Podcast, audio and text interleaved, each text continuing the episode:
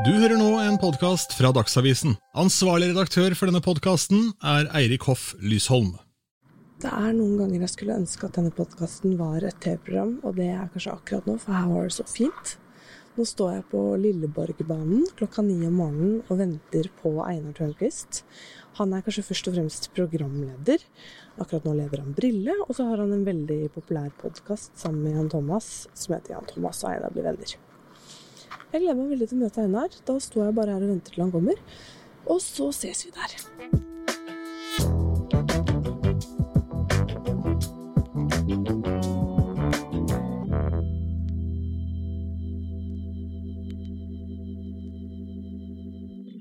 God morgen! God morgen. Hei! Solbriller og paraply. Ja, in case of everything. Ja, men jeg synes det ser ut som vi kan få litt case of everything òg. Hei, så hyggelig at du vil møte meg. Ja, selvfølgelig vil jeg det.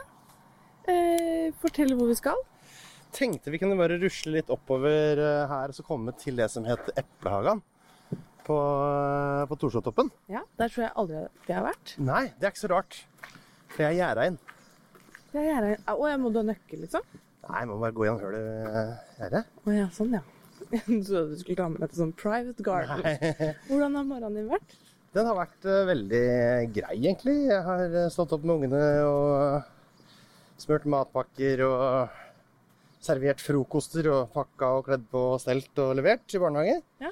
Så glemte jeg smokken og vannflaska til den minste.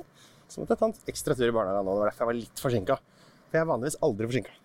Du. Nei, men vet du hva? Jeg tenkte kanskje at du var en type som kom presis. Jeg er alltid presis. Det var derfor jeg sendte en melding òg. For det ville f.eks. Jan Thomas eller Morten Ramm ville ikke sendt den meldinga som du fikk av meg nå. Det er derfor du gjorde en god avtale med meg.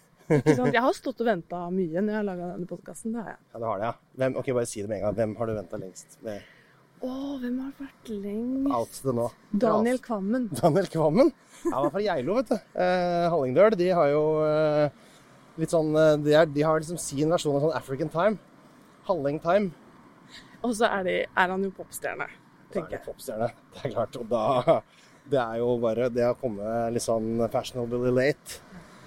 Eh, det, det er jo bare bra, det, da. Men du bor ikke så langt herfra, så du bor Jeg bor bare rett borti bak eh, det svære gule huset her. Jeg er så sjalu. Er sjalu Her drømmer jeg om å bo. Gjør du det? Ja, vet du, det skjønner jeg godt. Det er jo, jeg bor jo da i kanskje den roligste delen av Torshov, hvis du liker rolige ting, da. Eh, hvor det bare er barnefamilier. Det er jo ikke noe Man ser vel kanskje for seg, særlig hvis man bor utafor Oslo, da, at det er veldig bråkete og, og styrete inne i byen. Men det er jo utrolig rolig, da. Mm. Det er jo aldri det er Som du hører, så er, kjører du ingen biler her. Det er en og annen unge som griner. Ellers så er det stort sett fuglekvitter og Ja. Det kommer det faktisk en bil der oppe. Lurer på om det er en elbil. Nei, det er, men det er diesel, ja. Er du sånn som teller hvor mange Teslaer som kommer kjørende forbi? Nei, det er, ikke, det er ikke så veldig mye Tesla på Torshov. Det er jo ganske, Hvis du ser bortover her, så er det ganske sånn folkelig bilpark.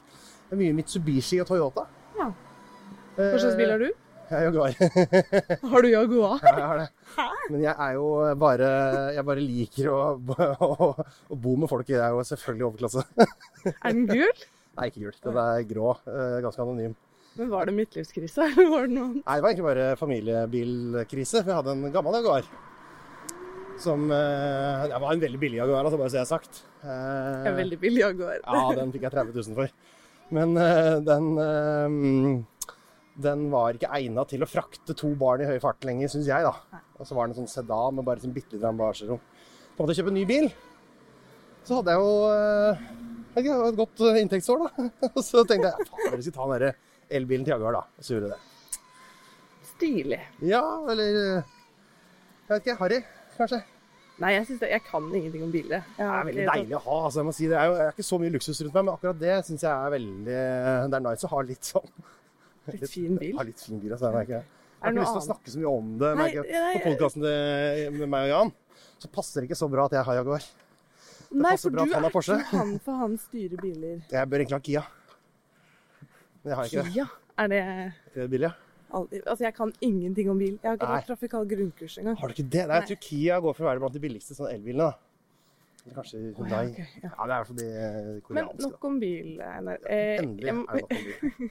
jeg vil bare spørre deg, eh, hvordan har du det sånn for tiden, hvis du skal kjenne litt ekstra etter? Ja, nå vil jeg si at jeg har gnistrende godt. Jeg har eh, som, det, er, det er jo én eh, sommer som er mer hektisk enn alle andre somre i ens liv, og det er den sommeren hvor ditt siste barn, som du regner med, da, er baby fortsatt. For da har du bare masse barn og en baby som ødelegger alle planene til de andre barna, og det er bare sånn styr hele tida. Så da som jeg er gjennom det, så er jeg altså så Det var forresten en veldig bra sommer, det gikk veldig fint. Men det er litt styrete, da. Ehm, så når jeg gjennom det, så føler jeg altså en sånn livsgnist. Det er så deilig å komme i gang med barnehage og arbeid og, og alt det. Jeg elsker høsten, jeg hater sommeren. Hva er det du jobber med nå, da? Er det brille, eller? Akkurat nå så jobber jeg ikke så mye med briller, for jeg spilte inn ikke for hele 2021.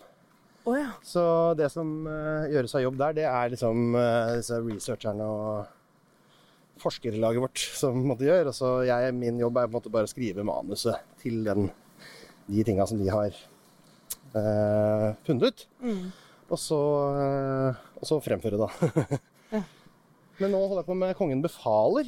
Eh, Å, jeg gjør gøy, sånn... du sånn- er med der. Dette kommer jo litt eh, Dette kommer kanskje når det går på TV. Det kommer jo da, da. Da ser jo alt jeg har gjort. Så gøy. Det blir bra, det, altså. Jeg bare mente at når vi snakker nå, så Ja. kan det hende at den allerede er sendt. Å ja, sånn ja. Jeg, jeg veit ikke når det sendes. Eh, For det er ikke jeg så opptatt av. Nei. Jeg, jeg følger ikke med, så Jeg har jo ikke så Du ser ikke på deg selv etterpå? Jeg gjorde veldig mye i starten for å liksom sånn evaluere og lære og sånn. Det Tørnquist-showet som på VGTV så jeg alt av. Bortsett fra siste episode, for da trengte jeg ikke å lære noe mer. Eh, og da Altså, jeg skulle ikke lage flere episoder. Nei, ikke at jeg var sånn, utlært, men Nei, Eh, så, Men nå ser jeg veldig lite på det. Jeg har sett, sett veldig lite briller og, og sånn. Det må jeg si. Syns du det er flaut å gå med meg med mikrofon nå, eller går det greit?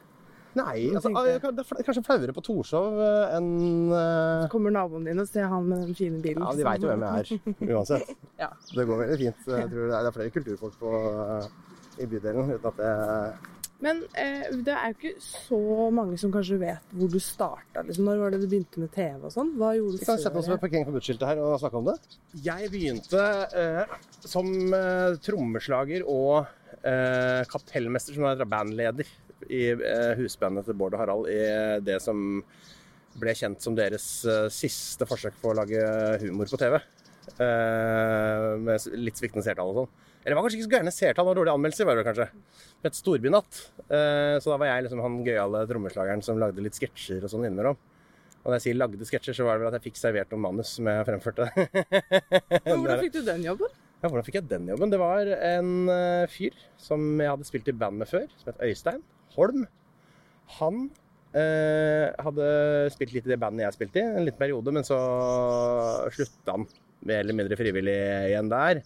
Mindre frivillig der. og så Og så eh, eh, ble, vi bare venner, egentlig. Og så, etter noen måneder etter at han var slutta i bandet vårt, så eh, ringte han meg og lurte på om jeg ville være trommeslageren. For han hadde fått jobb uh, som kapellmester i Storbynatt med Bård og Harald. Så da sa jeg ja, det vil jeg veldig gjerne. Da kan jeg skaffe resten av sånn folka. Og så gjorde jeg det.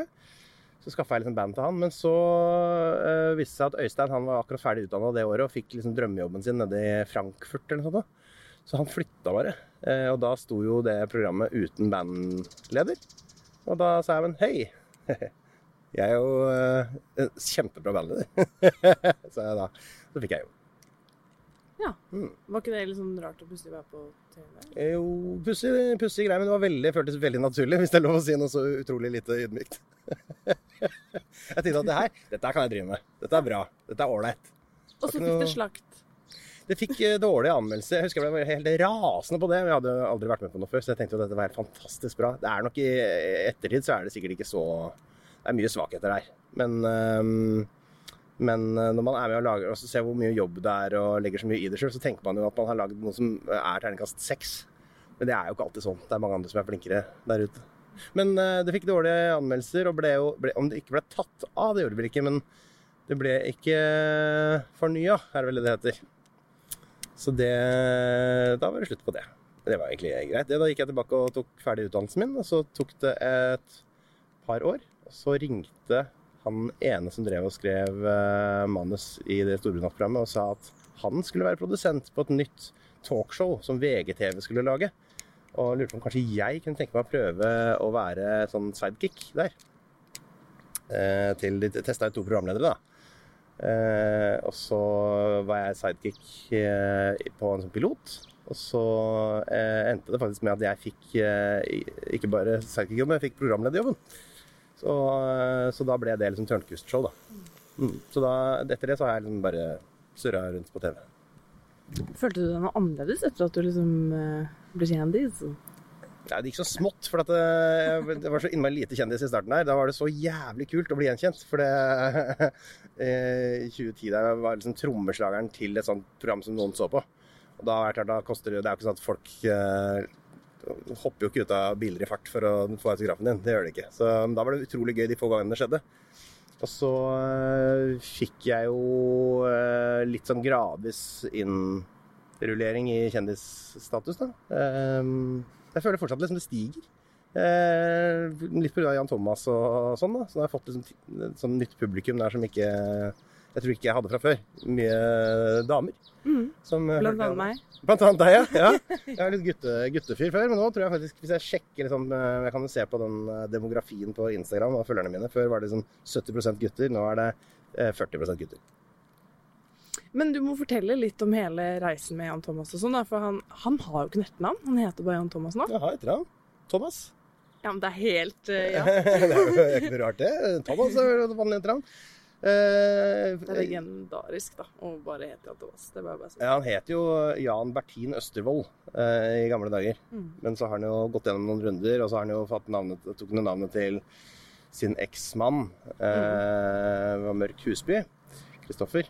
Eh, men nå er det altså bare Jan Thomas, og det er jo branding på sitt beste, er det ikke det? da? Jo. Det er helt nydelig. Jeg heter jo også Johansen til etternavn, egentlig. Det er jo Tørnquist, det er bare mellomnavnet mitt. Eh, så det er mye branding.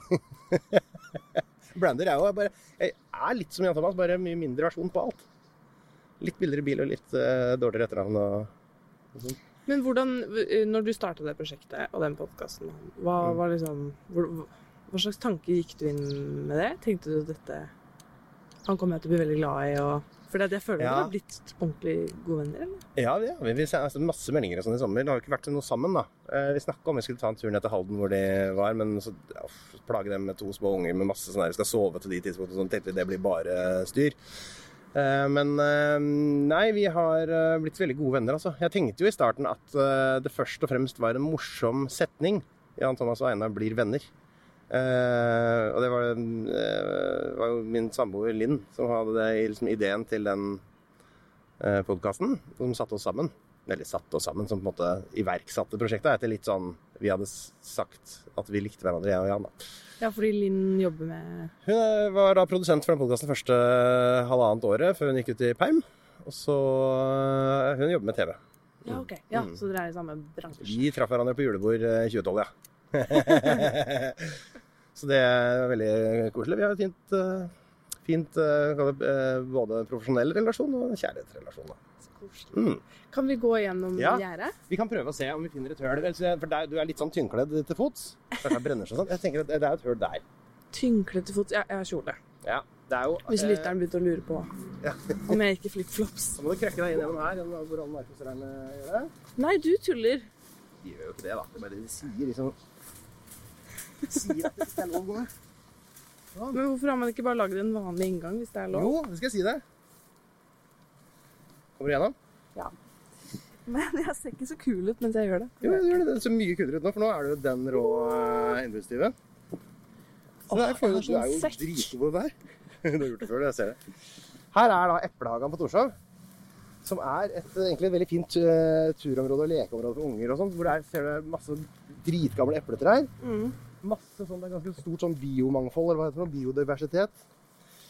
Fordi det er jo stått forlatt i alle år. Det er jo over 100 år gammelt, dette her.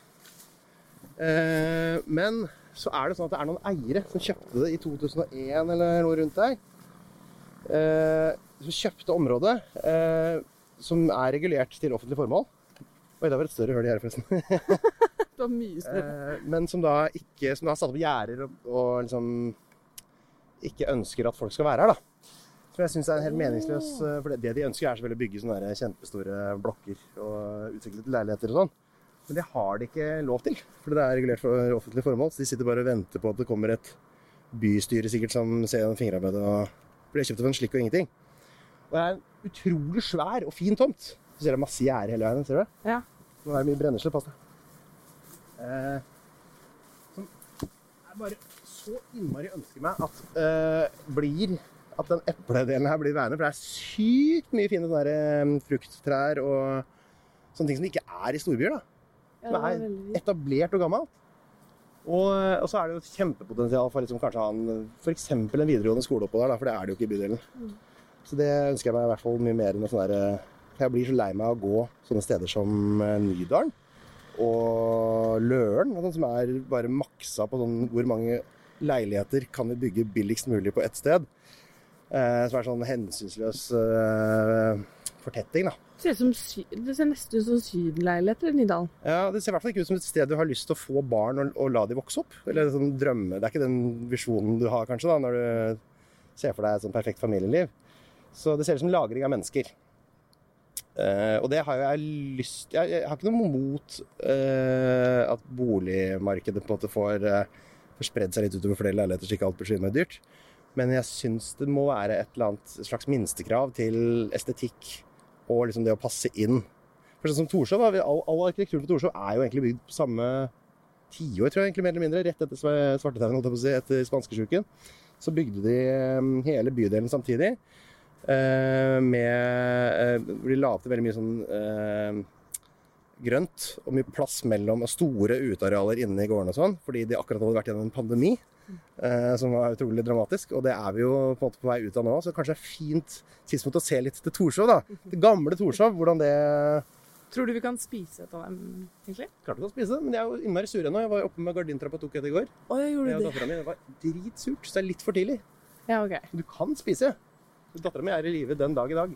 Ja, ikke sant. Det var godt å høre. Ja. Jeg kan jo rusle litt nedover her, da. Ja, men det kan jeg gjøre. Jeg vil snakke mer om Linn. Ja, det, det, Jeg vet Du ikke. er sikkert veldig glad for. Ja, jeg vet ikke. Jeg, synes, jeg, blir, jeg blir litt nysgjerrig, da. Hun er ikke ikke litt- like på en måte, offensiv i media som uh, de som blir sammen med kjendiser for å, for å komme i media sjøl. Det er hun ikke. Nei. Nei, for hun visste vel kanskje ikke at du skulle bli så veldig kjendis heller. Nei, hun er ikke så kjendis. Hun, uh, nei, At jeg skulle bli det, nei. Nei. Nei, nei, det var- kommer nok litt sånn ubeleilig for henne. Eh, hun er jo um, hun er, Det fins nesten ingen bilder av oss sammen. Vi hadde et par sånne røde løpebilder i 2013 eller noe, før vi bestemte oss for at eh, hvis vi bare går inn hver for oss, så tar de ikke bilder. Så, så vi går ikke inn samtidig på rød løper, for det er jo sykt deilig å slippe. og da har vi jo bare de der unge, pene bildene fra vi var i 20-åra. De er veldig unge pene. Jeg har jeg googlet. Er ikke det deilig? Jo, utrolig fine. hun er jo helt sykt uh, gammel og stygg nå. Så det er. Nei, men eh, OK, vi, vi, altså, du kan jo snakke på dine vegne, da. Um, OK, jeg ser for meg så mange ting jeg ikke veit nå. Ja. Du vet, Man bare forestiller seg hvordan det kunne vært. Og jeg har sett for meg at du var veldig sånn da kan var jeg finne på sånn Hva jeg vil, jeg nå. Det er nei. 2.10. Uh, bokser. Hva er det du så for deg? Nei, jeg, jeg tenkt meg at når du var singel, altså før Ja. du møtte Linn, Ja. at du da var ganske sånn typisk sånn ungkar. Ja. Som spiste Grandiosa Ja. Ja. og kom hjem seint fra byen Ja. og ikke var så nøye på det. Det er riktig. Det er riktig? Det er jo 100 por- korrekt. Jeg tror det treffer ganske mange gutter i 20-åra ganske presist der. Eh, Men i hvert fall blant de som ikke trener. For jeg var blant de da som ikke trener. Oh, ja. Som, eh, eller nå trener jeg, men da gjorde jeg ikke det. Eh, For de drikker jo hele tida. Jeg sier de, så mener jeg bare meg, da. Ja. Jeg var ute og drakk så ofte jeg kunne. Eh, lystbetont, da, vel å merke. Eh, og økonomibegrensa. Eh, og så kom jeg hjem og spiste Grandiosa, som du sier, og sov. Dro på sånn Ja, sånn, hadde en sånn deltidsstilling i sånn bolig med barn med autisme og sånn, som jeg jobba i helgene. Og så var jeg ute og drakk litt på hverdagene, og så kosa meg. Det var veldig kosetiår. Og så endret alt seg en, et julebord i 2012. Ja. Ja. hva, hva, hva har hun endra i livet ditt, da? Hun har endra i livet. Altså, hun har jo Det var ikke noe veldig gikk ikke sånn ekstremt offensivt til verks for å endre meg. Det hadde jo vært litt uh, Nei, nei. Jeg mener med hva kjærligheten ja, Gjorde med deg, Å ja. Den skapte jo to barn, da. Uh, og så eh, har den jo gjort meg til et mer uh, vet ikke, jeg glir jo bedre inn i samfunnet nå. Eh, Hvor jeg ikke bare sitter hjemme og spiller PlayStation og, og drikker. Høres veldig dyster ut. Det var en veldig hyggelig periode, altså. Ja. Uh, ja en, Handling? Ja. Uh, men eh, det har bare gjort meg til en litt sånn uh, vanlig, hyggelig, fornuftig familiefar-type med sunne interesser og, og Hva skal man si, da? Nei, jeg vet ikke. Ja, ja du, er, du har sagt det før at du er veldig av fire. Ja. Em, det jeg syns er litt fascinerende med deg, da, for dette kommer fra en person som har eh, Du vet du tok den Big Five-testen, og så Ja. snakka du og Jan Thomas om den. Jeg har resultatene. Og der blir, er du jo veldig lav på sånn nevroser og Ja. bekymringer og sånn. Mm. Eh, jeg piker på den Gjør du det? mm, så jeg har Så jeg Det vet er ikke ikke forferdelig å ha podkast når du er så Skjelver som Aspeløv. Nei, i jobben min går det greit. Det er mer sånn Jeg vet ikke. På et eksistensielt plan, tror jeg. Å ja, har du klimaangst? Klimaangst? Nei, uff, man burde ha det. Jeg har ikke så veldig klimaangst. Nei, nei. Jeg må se for at alle Jo, har det. har det, at det henger men- veldig sammen. Da. Jeg, jeg, jeg bare eh, innser at det er et veldig alvorlig eh, miljø- og klimaproblem. Eh, Men liksom, den ekte angsten har jeg ikke. Jeg, ikke, noe, jeg tenker ingenting på det. på en måte. Jeg tenker bare jeg får gjøre det jeg kan. Ja. Det rammer meg liksom ingenting. Nei, men mer sånn etter vi, etter vi går fra hverandre nå, Ja. så tenker ikke du sånn Hva syns hun om meg? Nei, det tenker jeg ikke. Det Jeg vinker til mine venner. At livet er litt um, jeg, kan du, jeg, skjønner, jeg klarer ikke å skjønne hvordan du kan være så lett til sinns. Jeg Det er, det er veldig deilig å være. Jeg, men jeg skjønner ikke hvordan folk kan faktisk gå inn og vurdere hvorfor Eller bruke tid på å tenke på hvordan andre oppfatta en situasjon som de antakeligvis ikke tenker på engang. Altså sånn, jeg tenker jo ikke så mye på dette intervjuet når jeg er ferdig. Da skal jeg jo noe annet. Da går jeg og skal i butikken eller hva jeg skal for noe, skrive noe greier. Så tenker jo ikke jeg mer på det, jeg, da. Så du må ikke bort, kaste bort tida di på å tenke hva tenker han nå. Han tenker ingenting, han. Nei, jeg kommer helt sikkert ikke til å gjøre det, altså. Men det var bare et Men det ligger ikke for meg, og jeg tenker alltid når jeg går inn uh, i et sosialt lag, at det, det aller, aller verste som kan skje, er at folk syns det bare er helt greit at jeg kommer, men sannsynligvis syns folk det er helt supert. Er det noe du er redd for, da? Eller noe, hva er det du er redd du, Alle er redd for noe. Jeg er superredd for å dø. Jeg vil jo, det aller siste jeg vil, er jo å dø. Det er i hvert fall ikke Eller jeg vil jo dø før eller senere. Før liksom eh, sola sluker eh, planetene rundt seg og sånn. Eh, Det er flere milliarder år til. Jeg vil veldig, veldig gjerne unngå å dø. Smertefullt. Men hvordan manifesterer den seg? Nei, at jeg be- be- begynte å trene, og at jeg har tenkt litt på kostholdet mitt og, og sånne ting. Egentlig var barn, og for barn var egentlig litt sånn kalkulert også sånn Det er nok liksom det sunneste jeg kan gjøre i livet mitt, tenkte. Å få barn nå, og få liksom fokus vekk fra meg sjøl til et par andre snille, små mennesker. Og, og spise sunn middag sammen med dem. Liksom, for man blir veldig opptatt av deres helse, da. Eh, Eller at de skal få en sunn oppvekst. Sånn. Da blir man jo en del av det sjøl. Og nå sitter jeg der og spiser fisk og koser meg. Så det er, det er ikke helt egoistisk, altså. Veldig, eller det er jo litt egoistisk å få barn. Det er jo Jeg og Linn var egentlig enige om at vi skal ikke ha barn fram til én dag. Da sa vi vet du hva, kanskje vi skal prøve å få barn. Ja! Og så gjør vi det, og så ble hun gravid med en gang. Og da var det i gang. Men skjedde det Hva skjedde på en måte Sånn teknisk. Nei. Det var ikke det jeg lurte på. jeg lurte på hva som skjedde um, mellom dere plutselig tenkte at dere hadde lyst på barn. Var det det en bare annen en Sikkert bare en følelse av uh, For jeg husker vi var på balkongen da vi ble enige om det. Sto vel sikkert og kjente litt på at vi hadde vært en kveld uh, til på byen, liksom, da, eller et eller annet sånt noe. Sånn som man gjør når man er uh, ung og barnløs. og så tenkte vi, var det kanskje ikke så gøy lenger. og Fader, unge folk er ute på byen nå, liksom, og musikk, jeg liker ikke musikken på byen lenger, for jeg blir gammel. Nei, nå er livet liksom klart for neste fase, tenkte vi da. Jeg tror det var bare en sånn felles følelse av at dette her det, det, Nå peker pila litt i feil retning for oss som sånn unge, urbane, virile mennesker her. La oss få noen allværsjakker og en transportsykkel og mm, små unger. Og det var jo en eh, avgjørelse vi ikke angrer på, da. Nei, det er bra. Ja, det var veldig fint at det gikk. Ellers hadde vi sikkert blitt så helt sånn opphengt i å Mm.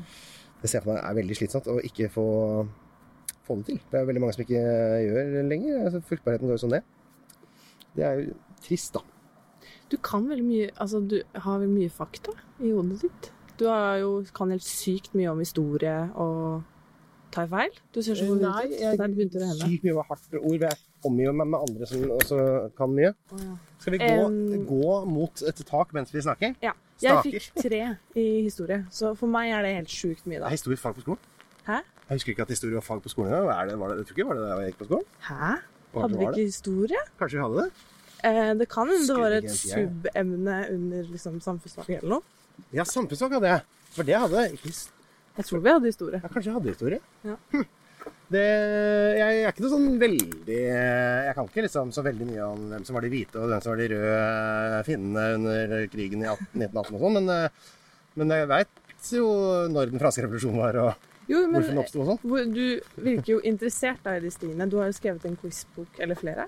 Ja, det kommer en fjerde nå snart. Ja. Uh, ja, jeg er jo interessert i alt som er uh, fakta, egentlig. Ja.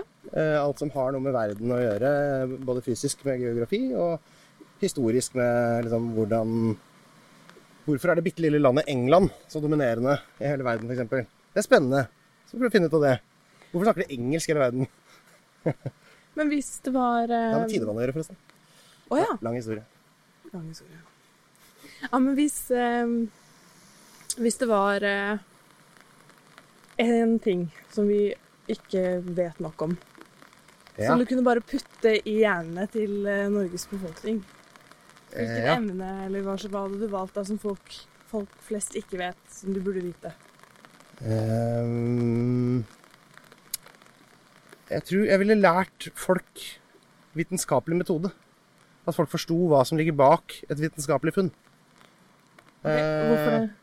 For, at, for å gjenetablere tillit til eh, vitenskapen. Så folk kan forstå hvor nøye og gjennomtenkt sånne ting er. For det virker som folk ikke helt er med på det lenger. Det er en sånn ny fordummelsesperiode. Sånn mystikk og sånne ting. Eh, okkultisme. Astrologi tror ikke du på. Nei, ærlig talt. Ærlig talt. Og det, og det sniker seg inn i samfunnet. Sånn biodynamisk vin og sånne ting. Det er jo basert på astrologi. Altså stjernenes posisjon når du planter frø og sånn. Det er bare tull, ikke sant? Det er jo det ytterste bullshit. Men det sniker seg inn, da. Det hadde gjort meg glad hvis det var litt flere som eh, gadd å, gadd å engasjere seg i det. At det er ikke bare å si ting, man må faktisk gjøre ting etterprøvbart. Så hvis du har gjennomført et eksperiment, så skal en annen person med de samme forutsetningene på et annet sted på jorda kunne bare lese hva du har gjort, gjøre akkurat det samme eksperimentet, få akkurat samme resultat. Det, da, da kan du bevise ting. Da har man en objektiv sannhet. Objektive sannheter er litt for få i verden.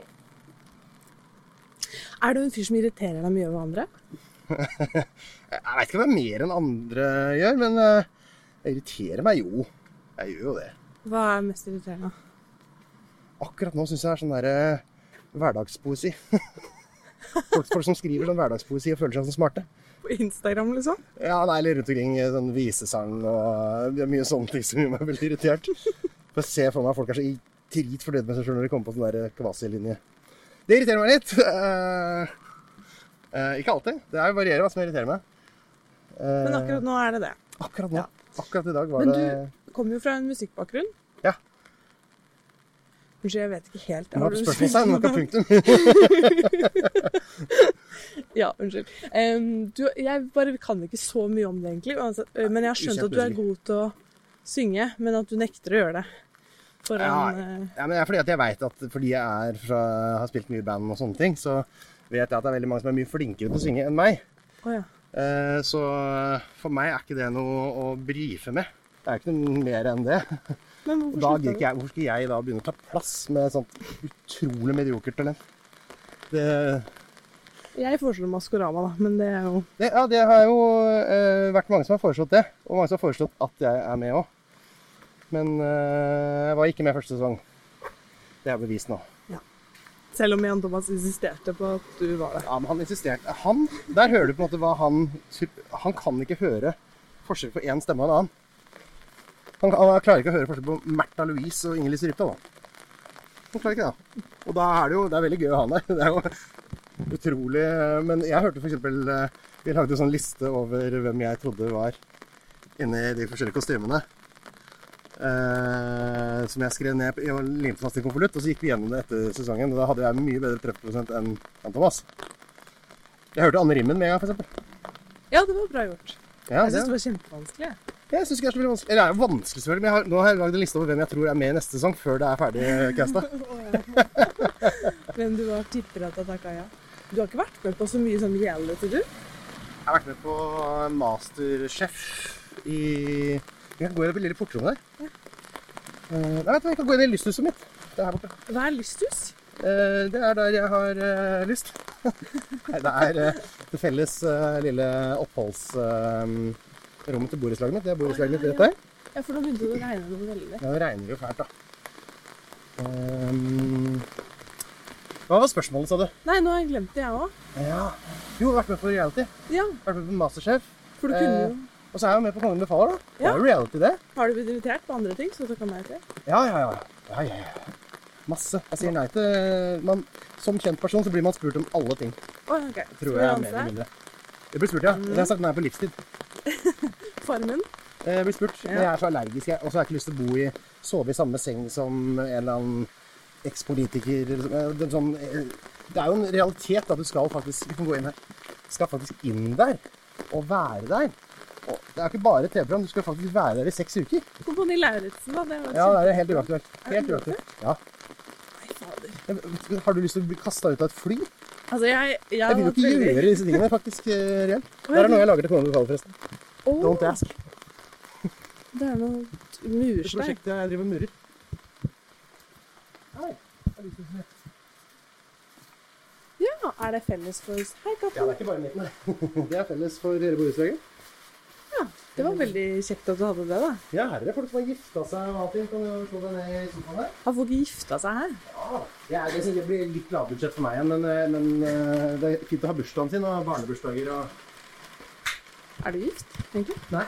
Jeg er samboer. Men hvorfor er dere ikke gift? Eh, det er kostbart og kjedelig å gifte seg. Men eh, vi kunne godt gifte oss, ja. Men da har vi alltid hatt et annet prosjekt. Liksom. Enten sånn skal vi pusse opp, eller så skal vi få barn, eller så Det skjer så mye sånn annet. Det er jo bare en sånn stor ting som krever litt uh, handlings... eh, eller litt At du har litt tid, da, til planlegging. Så um... Hvis du kunne funnet på Hva? Hvis du kunne bare funnet på noe drømmebryllupet. Hvordan hadde det Drømmebryllupet? sett ut? Jeg har ikke noen sånne tanker om det, egentlig. Det er hyggelig hvis det kommer noen folk som eh, er morsomt å feste med og sånn. God mat. Og så, jo, eh, det jeg er veldig opptatt av, er at vielsen eh, er tett på festen. At ikke det er en venteperiode. Det, den venteperioden er det noe av det kjedeligste jeg vet om i livet mitt, hvor jeg må stå og snakke med mammaen og pappaen til, eller tantene til andre med sånt tomt glass champagne. Det syns jeg er veldig slitsomt. Så når man kan bare dundre rett ut av vielsen og rett ned på bordet. Og det krever at folk tar brudebilder eh, under festen. Det, det foretrekker jeg. Da, da blir jeg glad når det er sånne bryllup. Jeg prøvde å spørre om det i stad, men så eh, forsvant det litt. Men Ja. eh, jeg bare lurte litt på hvorfor du slutta For du spiller ikke i band nå? Nei, jeg spiller ikke i band fordi det krever, eh, det krever så mye å holde liksom, på et nivå som er eh, profesjonelt. Så det er litt som idrett, på en måte, at du må jo holde det ganske kraftig ved like hvis du skal drive med det. Og, men jeg gjør det ikke på hobbybasis heller, da. Men det var egentlig bare fordi jeg, jeg, Nå har jeg vært ganske god, så, så jeg synes det virker ikke så gøy å være dårlig, sånn som jeg er nå, da. Å drive med det allikevel, liksom. Så jeg bare droppa det helt. Og så krever det jo øh, ikke sant, Det er tromme, svært trommesett. Det er ikke bare å ha det hvor som helst. Da må jeg ha et eget lokale til det. Jeg må ta meg fri fra liksom, andre ting for å øve. Så det har bare rett og slett lagt det bort. Faren min er trommis. Er det sant? Mhm, er det Kjent? Nei. Ukjent? Ukjent Ja, jeg er også ukjent trommis, da. ja. Så sånn sett så Han er veldig flink, da. Hæ? Han er veldig flink. Ja, så deilig. Det, det unner jeg ham. Jeg er ikke så flink lenger, dessverre. De spilte én i forbindelse med var NHO sin årskonferanse, som jeg leda i 2018. Mm. Da spilte jeg trommer en gang. Da fikk jeg kasta ned et trommesett fra taket i Oslo Spektrum, og så spilte jeg en låt med kongefamilien og regjeringa sånn på første rad. Wow. Så da var det med én gang til, da. Det, da er det, gøy. det er gøy å ha gjort. Men du har ikke noe trommesett noe sted nå? Jo, jeg har det på lager. Jeg har ikke solgt det. Nei. Så jeg har, jeg har et flott, veldig fint gammelt Ludvig trommesett fra 1965. 26. mai 1965. Som eh, er helt aldeles utmerket stand. Men eh, jeg spiller ikke på den. Kanskje en dag. kanskje en dag, ikke sant? så jeg kaster jo ikke. Og selger det ikke. Nei. Men klart, hvis uh, Kemneren kommer på det, så selger jeg det med en gang. Det er det første som må gå da. Men hadde ikke det vært litt vondt å gi det bort? ikke nå som det er så lenge siden jeg brukte det. Nå er jeg over den kneika, så nå kan jeg Jeg låner det bare bort til eh, måte, de i det gamle bandet mitt, da. Så de bruker jo det settet videre. Det lever videre. Det lever videre. Mm. Satser jeg på, da. Har du produsent på øret? Nei. Å ja, nei. Nei, jeg bare tok meg friheten til å Det er akkurat sånn. Det klarer jeg ikke, forresten. Å ha produsent på øret som programleder. Nei. Okay. Øh, Jeg har aldri vært programleder før, så du må forklare. Du er programleder nå? liksom- Ja. Nei, jeg er jo ikke Men ja. tenk så slitsomt det er hvis det var noen som satt og prata i øret på deg ja, og mens du lytta. Ja. For det er jo det mange har. Når du har propp, så har du en produsent som Jeg snakker til dem. trodde du jeg hadde det nå, eller bare Nei, jeg tulla. For ja, jeg hadde ok. propper. eh, Men eh, det det tok en sånn lang pause som de ofte gjør, da. Så det er utrolig sånn keitete å være gjest når du ser noen bare flyr ut og inn av uh, samtalen, som du jo da gjør. Ja. Eh, men det er jo nødvendig, det. Noen ganger eksempel så sånn Hvis det er dom, sånn på Farmen-finalen, sånn, da har de alltid propp, ser jeg. Det er fordi dommeren skal si hvem som har den beste tida, hva svaret på oppgaven sånn er til programlederen. Så det, jeg skjønner det, altså. Men jeg, første gang jeg var på TV, da vi spilte en pilot til uh, Tørnquist-show, så var det en produsent som sa sånn 'Bra, Einar! Fint! Fortsett sånn!' inni øret på meg. Og da tok jeg bare den ut, og etter det har jeg ikke hatt den inne. Han fikk sagt to setninger, tenker jeg. ja, det virka veldig litt Ja, grusomt. Hva andre er sånn jukseting på TV? Det er veldig gøy å Jukse det beste som fins, er jo teleprompteren. eh, som er eh, det store hjemkameraet, man sier. Det kameraet man ser inn når man ønsker 'hjertelig velkommen til ditten' og 'hjertelig velkommen til datten'. Da står det jo tekst som ruller forbi i Så jeg, le, jeg står på en måte og leser Jeg ser, jeg ser på en jukselapp eh, mens jeg ser på kamera. Det er fantastisk, da.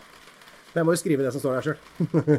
Så det er like mye jobb, men eh, det er deilig å liksom bare Da kan jeg faktisk falle bort eh, og konsentrere meg om andre ting mens jeg sier noe.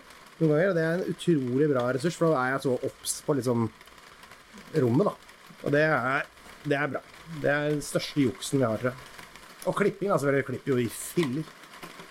Du sa at du var så Eller du følte at du liksom mestra den TV-jobben så godt første gang du var på TV? Det er typisk meg å si, for søren så usympatisk jeg er.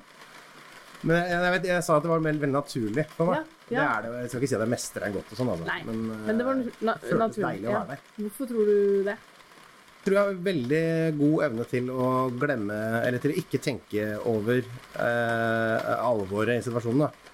Hvis vi skal tilbake til den Big Five, så har jeg da jeg har en minimumscore på fantasi.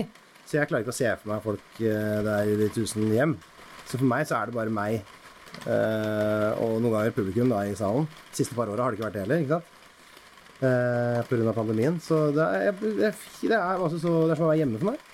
Det er kjempedeilig. Og så syns jeg jo sjøl noen ganger at jeg at det er morsom, da. Og så tenker jeg sånn Blir jeg godt humør av meg sjøl, og så tenker jeg at den satt, liksom. Jeg har god selvtillit, da. Det er vel det der. Uspiselig god selvtillit. Så usympatisk god selvtillit er det. Nei, ja, jeg blir fascinert. Det virker utrolig deilig. Men jeg fikk heldigvis på, på den Big Fiven, som gjør at jeg sikkert slipper gjennom Eller jeg, at folk tåler selvtilliten min i ganske stor grad, er at jeg, har, jeg er høy på beskjedenhet. Så jeg egentlig jeg er ikke selvgod, jeg har bare god selvtillit. Du snakker ikke så mye om tingene du har oppnådd og sånt. Det er mer eh, Nei, jeg ville aldri tatt ordet og, og gjort det. Og så vil jeg for eksempel, så tenker jeg alltid at det er mange som er mye flinkere enn meg. Det mener jeg jo. Det er derfor jeg ikke synger, for eksempel. For jeg synes hvorfor i alle dager skal jeg synge når eh, Odd Nordstoga synger ti ganger så bra som meg? Men det er jo så, man blir jo så glad av det. Jeg, jeg blir ikke glad av det, da. Jeg blir glad at Odd Nordstoga er flinkere enn meg. Det blir jeg glad av. Der har du talent der, tenker jeg da. Men hvis du synger for deg selv i dusjen, for eksempel, Ja. har ikke det en sånn egen effekt for deg å synge? For at jeg, Jeg synger litt sjøl, og jeg blir bare sånn Jeg blir kritisk. Jeg hører småfeil jeg gjør og sånn. Men jeg har jo noen ganger så må jeg faktisk fremføre noe, da. Eh, det kommer en situasjon på TV til høsten Hør det regner. Det kommer en situasjon på TV til høsten hvor jeg skal synge så fint jeg kan, og da eh, har jeg øvd litt på det, og da blir jeg selvkritisk. Da irriterer jeg meg mer enn Noen ganger så får jeg liksom drag og kjenner at nå går det bra. Men det er ikke så interessant. Det er, å rydde opp i småfeil for meg som er Jeg vil bli bedre, da. Så nei, jeg er dårlig pusteteknikk og sånn. Og ja. Handler, og Unnskyld, nå ble jeg sikkert litt sånn astrologiaktig, men Ja. eh, handler det ikke litt om sjel og Jo, ikke, Altså, er det liksom ikke dette spesifikke tilfellet for min del. må man gå så utrolig systematisk Altså, må man være verdens beste trommeslager for å spille trommer? Kan man ikke bare Nei, men jeg må være på et høyt nivå for at jeg skal trives med det. Jeg, jeg mener ikke at alle bør være det, men jeg syns noen er for dårlige til å være på radio, som er på radio. Det syns jeg. Jeg syns det er bortkasta Jeg syns det er å plage eh, oss konsumentene. Ja, ja, liksom Hvem er dårlig, da? Nei, Det har jeg ikke lyst til å plage dem med. Men eh, jeg veit om mange som er mye flinkere, som ikke, burde, eller som ikke får så mye oppmerksomhet. Da. Men jeg, syns, jeg har ikke lyst til å name-droppe, men jeg kan si noen som er veldig flinke. Ja. Jeg syns Emilie Nicolas er utrolig flink. Vil du ha flere? ja Emilie Nicolas er veldig flink. Ja, utrolig flink. Eh, det må jeg bare si. Jeg og Emilie Nicolas spiste middag sammen i sommer. Så, jeg og Live Nelvik og Emilie Nicolas og PT-ene våre. Oi, wow. Vet du hva, du er jo ikke en vanlig fyr jeg, er hører jo det nå. Det var Live Nelvik. Vi er, går hos samme PT-er. Det er jo en luksusting, selvfølgelig. Eh, og så var det Live som inviterte til sommeravslutning. Vi har Nei, så hyggelig. Ja, for vi snakker jo med disse PT-ene hele tida, og de eh, lever jo altså så på den rene sti. De er jo aldri ute og spiser og tar seg et glass vin og sånn. Så da ville Live at de skulle få være med oss til vårt liv en gang da. Det er egentlig litt koselig. PT, ja. Nei, det hadde jeg aldri turt. Hadde ikke turt. Nei, Jeg syns det er ubehagelig å være på for eksempel. For jeg er føler at folk ubehagelig. ser på Men det er, det er utrolig ubehagelig. Jeg vil ikke gå med tights blant andre mennesker. Nei, da kan det gå med sånn tight med shorts utapå, så det er mange som gjør det. Men jeg eh, bruker eh, en eh, god tjafs av lønningsposen min på PT fordi at jeg hater å trene. Og jeg hadde aldri trent hvis ikke jeg hadde hatt råd til PT. Uh, For det er bare sånn det er. Jeg trente ikke noe før. Uh, Og ga opp veldig tidlig, så det er en luksus jeg måtte unne meg med, med god økonomi. da. Så, så da får jeg faktisk trent. To ganger i uka går jeg til PT. Ellers hadde jeg trent 0,000. I løpet av denne episoden så har jeg prøvd å på en måte Jeg prøver egentlig å komme liksom til dypet av Einar Tørnquist. ikke sant? Jeg prøver å komme til et eller annet sted, et eller annet sensitivt tema. Jeg har ikke lykkes.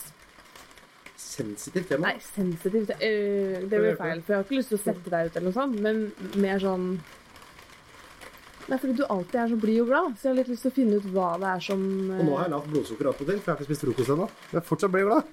du er så blid og glad. Uh, nei, jeg er lykkelig. Jeg er den lykkelige personen. Det er jo ikke til å komme bort fra. Men jeg tror eh, fordi Og det kjente jeg igjen eh, det Da Tore Sagen var på Krisemøter, podkasten, så oppdaga jeg at han og jeg har en ting som er helt til felles, og det er at når vi eh, setter oss ned, eller er ute og går, så er det helt stille i hodet vårt. Det skjer ingenting. Vi tenker ikke på noe. Eh, og det tror jeg er det veldig mange søker etter med meditasjon og mindfulness og sånn. At man skal være Det er bare grunntilstanden i sinnet mitt. Og det er jo selvfølgelig et veldig behagelig sted å være, for jeg driver ikke og lar situasjoner spille og gå eller eh, vurdere ting opp og ned. Jeg har veldig ro oppi huet. Så det må jeg bare si. Det er tusen takk til alle skapere, eh, universets skapere for at de ga meg den deilige roen der oppe, altså, for den er god. Kommer det fra en av foreldrene dine eller sånn? Ligger det i familien? Ja, nå er fatter'n i så fall. ikke mora mi. Ja, hvordan er moren din, da? Hun er mye mer engstelig. Hun er veldig sånn um, Hva skal jeg si om moderen, da? Hun er, ja, hun er engstelig. Eh, Kanskje ikke sånn fatalistisk, men bare sånn for, for, for enkeltsituasjoner hele tida. Alltid 'Å, pass, å, å, pass opp!' Å! Når hun kjører bil og sånn, så er det Tror at alle er i ferd med å kollidere med henne. Så litt sånn skvetten. men det er ikke jeg, da. Og faren din er Faren min sitter stort sett og surrer og leser høyt fra avisa. og Følger ikke med på hva som blir sagt. Snakker høyt om noe veibygging og noe greier. Veldig sånn klassisk pappa borti hjørnet der. Han burde røyka pipe, det er den eneste som mangler. Nei, så ligner jeg ganske mye på meg i utseendet. Hvordan er du som pappa, da, tror du? Jeg er jo eh, den øh, øh, Jeg er han som kjefter høyest, og av oss to, da. Linn er så utrolig flink og du er så ekstremt tålmodig. Jeg er jo han som på en måte noen ganger sier 'Hei, du! Nå er det nok!' Uh, og som eh, Jeg skal være skikkelig. Jeg er sånn som mora di, vet du. Jeg òg. Så jeg er bad cop, men jeg er også eh, den som tuller og leker slåss og herjer og sånn, da.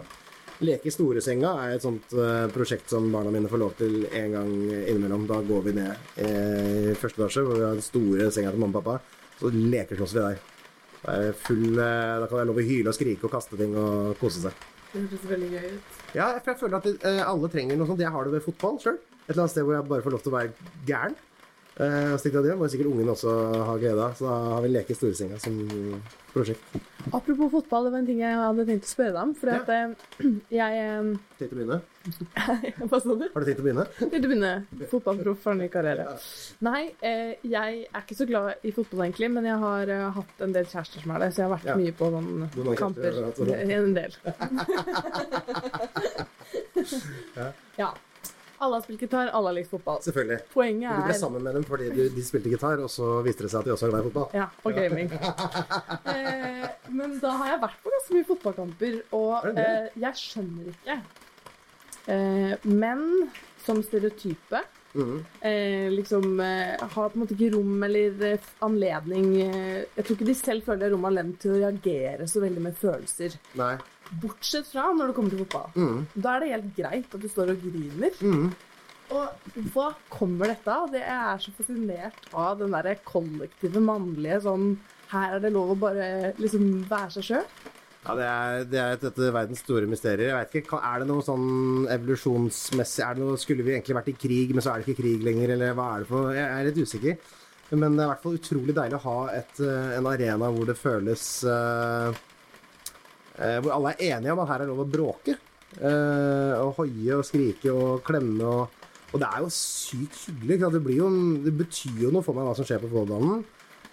Eh, og det har jo noe med at i et liv som er så kontrollert som mitt, hvor liksom ting er stabilt, ungene er friske, eh, er i forhold, har leilighet, har alt jeg trenger, jobb, så trenger jeg jo en risiko Jeg trenger noe sånn tenåringsfølelser, da, noe som går litt opp og ned utenfor min kontroll. Og fotball går jo veldig Det er veldig utenfor min kontroll og går veldig opp og ned. Mye ned.